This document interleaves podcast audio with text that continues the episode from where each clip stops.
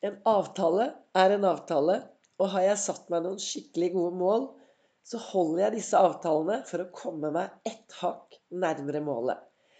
Velkommen til en ny episode av Begeistringspodden. Og ja, det er Vibeke Ols. Driver Ols Begeistring, farverik foredragsholder, mentaltrener.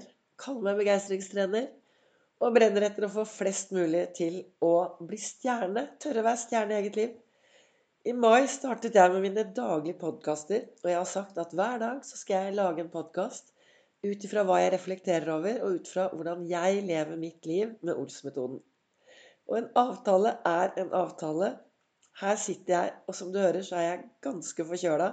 Men jeg er helt frisk i toppen. Jeg har ikke vondt noe sted. Jeg er bare veldig forkjøla. Så da er det denne avtalen da, med meg selv om å lage disse podkastene. Ved siden av å jobbe som mentaltrener, foredragsholder, så jobber jeg i SAS på Gardermoen. Annenhver helg, pluss minus, så er jeg på Gardermoen og sender folk og fe ut i den store verden. Og i dag har jeg vært og jobbet ti små timer på Gardermoen. Og planen var jo selvfølgelig å lage en podkast før jeg dro på jobb i dag morges. Men jeg prioriterte søvn. Søvn er superviktig for at jeg skal få mer av det jeg ønsker i mitt liv. Og hva skal jeg snakke om i dag? Jo, Altså det er for det første den viktige avtalen for å få ting til å fungere. Har du lagd gode avtaler med deg selv? Hva gjør du for å klare å holde dem? Og det som jeg reflekterte litt over i dag morges på vei litt kaffe i godstolen før jeg dura av gårde til jobb, så sto det Du får det i livet som du har mot til å be om. Og det er Oprah Winfrey som har skrevet. Hør nå. Du får det i livet som du har mot til å be om. Hva ber du om i ditt liv? Hva spør du etter? Hva ønsker du i ditt liv? Tør du virkelig å gå for seier i ditt liv? Tør du å være stjerne? Tør du å være den stjernen som virkelig lyser opp rundt deg? Da må du Du må ikke, men da tenker jeg at det er viktig å se seg selv lykkes. Lave gode avtaler. Jeg sitter her med et stort puslespill som jeg ennå ikke har klart helt å pusle ferdig. Og jeg pleier å si på foredrag at hvis jeg hadde hatt et eh, puslespill her nå, hvis jeg hadde hatt 300 brikker foran meg, kastet de ut på bordet, og så hadde jeg sagt til deg Kan du pusle de?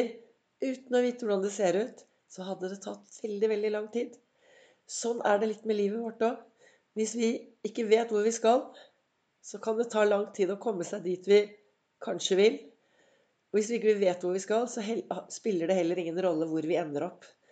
Og da er jo disse ordene at du får det i livet som du har mot til å be om. Og hvis du har et puslespill, og du lager det Når du legger det puslespillet, og du ser bildet, så er det så mye enklere å få lagt det puslespillet. Og sånn er det med livet vårt også. Hvis du vet hva du virkelig ønsker, hvis du klarer å lage deg et bilde av det du ønsker i din hverdag, og Altså, du kan jo være stjerne i eget liv. Du har de ressursene du ønsker. Og du er et verdifullt menneske, og du er en unik person. For heldigvis så finnes det ingen som er akkurat som deg. Så hvis du setter av litt tid til å kanskje se og drømme deg vekk Hvordan ønsker du at din dag og hverdag og liv skal være? Hvordan ønsker du virkelig å ha det i, hverdag, i livet ditt? Og da, tenk, da, tenker jeg at det er viktig å fokusere på det du ønsker mer av i hverdagen din. Ikke det du ikke vil ha, men det du ønsker i hverdagen din. Og alle disse bekymringene som kommer, hvor mange av de går i oppfyllelse? Bekymringer er negativ målsetning. Når du bekymrer deg for noe, så lager du bilde av det i hodet ditt. Og så går hodet ditt etter det. Underbevisstheten din går etter de bildene du lager. Så hvis du har mange bekymringer, så lager hodet bildet Altså da lagrer hodet ditt de bildene, og så er det noe i kroppen som går mot det. Istedenfor å snu det rundt og tenke at dette ordner seg. Dette skal bli bra. Jeg har også laget meg en plan, eller jeg har ikke noen plan. Jeg har, har det sånn at når jeg har noen bekymringer, så sier jeg nei, de tar vi mandag klokken kvart over syv. Eller de tar vi tirsdag klokken åtte. Og da får jeg bare litt plass. Da, da sier jo jeg til topplokket at den der bekymringen der, den tar jeg ikke nå. Den kaster jeg vekk. Er det noe som er realistisk, så tar jeg tak i det, og så gjør jeg noe med det. Men de bekymringene jeg ikke kan gjøre noe med, de legger jeg til siden. Og jeg hadde Eh, noen av dere vet kanskje å følge meg på Instagram og ser at jeg har et lite pelsbarn. Hippie. Det er min søster som eier eh, Hippie. Men vi deler den. Det er blitt en deltidshund, og jeg er blitt veldig veldig glad i henne. Og jeg har henne veldig mye. Forrige fredag så fant jeg en kul på maven, og jeg dura til dyrlegen, vet du, raskere enn raskest. Og vi fikk eh, bestilt en time, og hun ble operert for to dager siden. Og det går veldig bra. Det kunne vært veldig ille, og jeg kunne ha brukt mange dager på å lage de mest Altså, jeg kunne sett bekymret meg, jeg kunne tenkt at det var kreft, og jeg kunne vært tenkt de verste tingene. Men jeg valgte å si, vet du hva, Vibeke, dette tar vi. Dette tar vi på torsdag etter klokken åtte, for da har vi fått henne tilbake fra operasjonen. Så hver gang bekymringene kom, så sa jeg, vet du Vibeke, dette tar vi torsdag klokken åtte. Så slapp jeg å være bekymret, og jeg slapp å være trist, og jeg slapp å være lei meg, for jeg gruet meg veldig. Så sånn bruker jo dette, det, Alt det jeg snakker om, er jo en del av Ols-metoden. Så sånn bruker jeg det.